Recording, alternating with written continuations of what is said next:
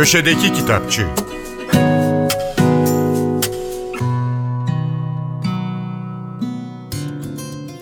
Merhaba, ben Adnan Bostancıoğlu. Kafka kitap, Avusturyalı tarihçi Roman Sandgruber'in ilginç bir çalışmasını yayınladı. Kitabın ismi Hitler'in Babası. Alt başlığı, Oğlu Nasıl Diktatör Oldu olan çalışmayı Türkçe'ye Aykut Cumbul çevirmiş. Şöyle diyor Sandgruber, dönem tanıkları genç Hitler'e dair son derece zıt iki imge ortaya koyuyor.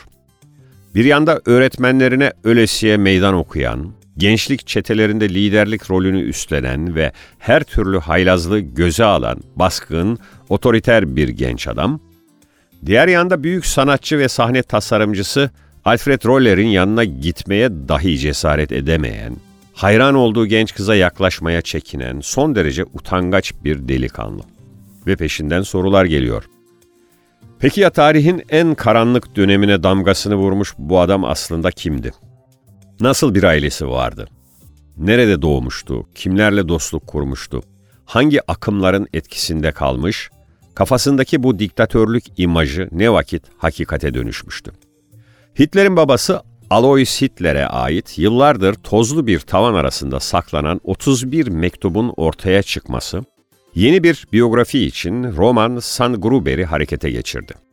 Hitler'in üzerindeki etkisi yatsınamaz olan baba Alois'in kişiliğinin yeni ve müphem yanlarının bir ölçüde de olsa ortaya çıkması, Hitler'in yetişme koşullarını anlamak için bir fırsat sunuyordu.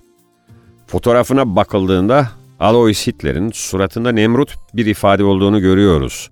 Öte yandan tanıklıklar da kişiliğinin yüz ifadesinde cisimleştiğine işaret ediyor. Sandgruber'in yazdığına göre kendisi pek de sevimli bir aile babası değildi. Evde otoriter bir aile reisi, iş yerinde bilgiçlik taslayan bir memur, toplum içinde dik kafalı, çocuklara karşı da acımasız bir despot.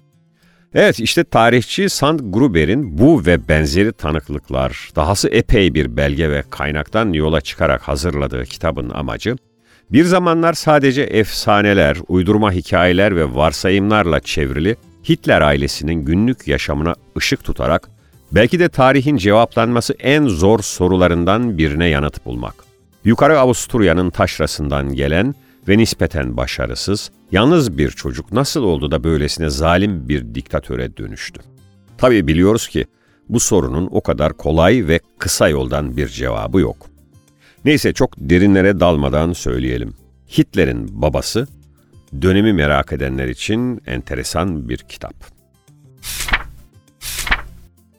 1992-1997 yılları arasında Uzaklar adlı teknesiyle dünyayı dolaşan denizci Osman Atasoy, ikinci uzun yol tecrübesi olan Antarktika seyahatini Uzaklar 2 Antarktika adıyla kitaplaştırdı. Kitap kısa süre önce Türkiye İş Bankası Kültür Yayınlarından çıktı.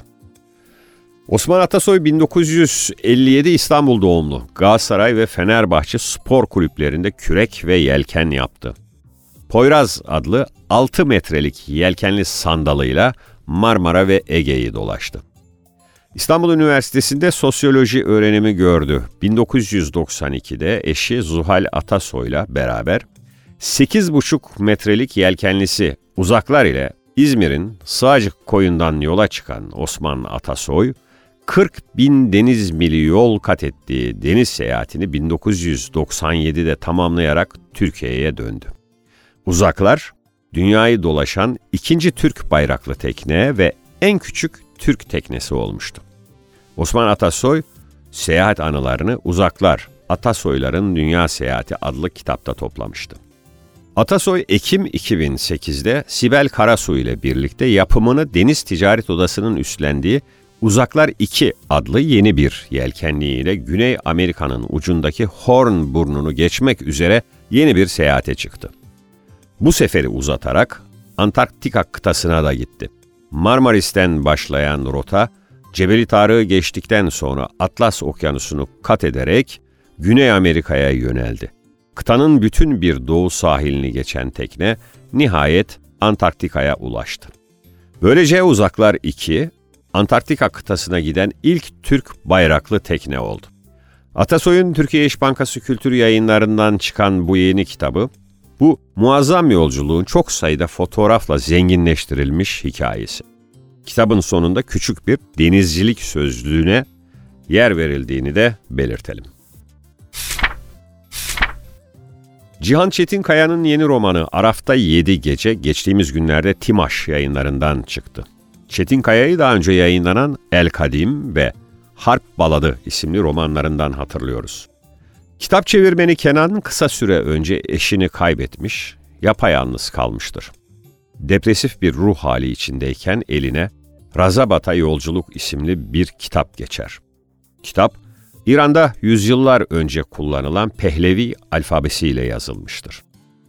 Bu gizemli kitabı çözmeye karar veren Kenan'ın hayatı bir daha eskisi gibi olmayacaktır. Kenan kitabı anlamaya, çözmeye çalışırken kendi varlığının eserdeki yansımalarını görür. Herkese iyi okumalar, hoşçakalın.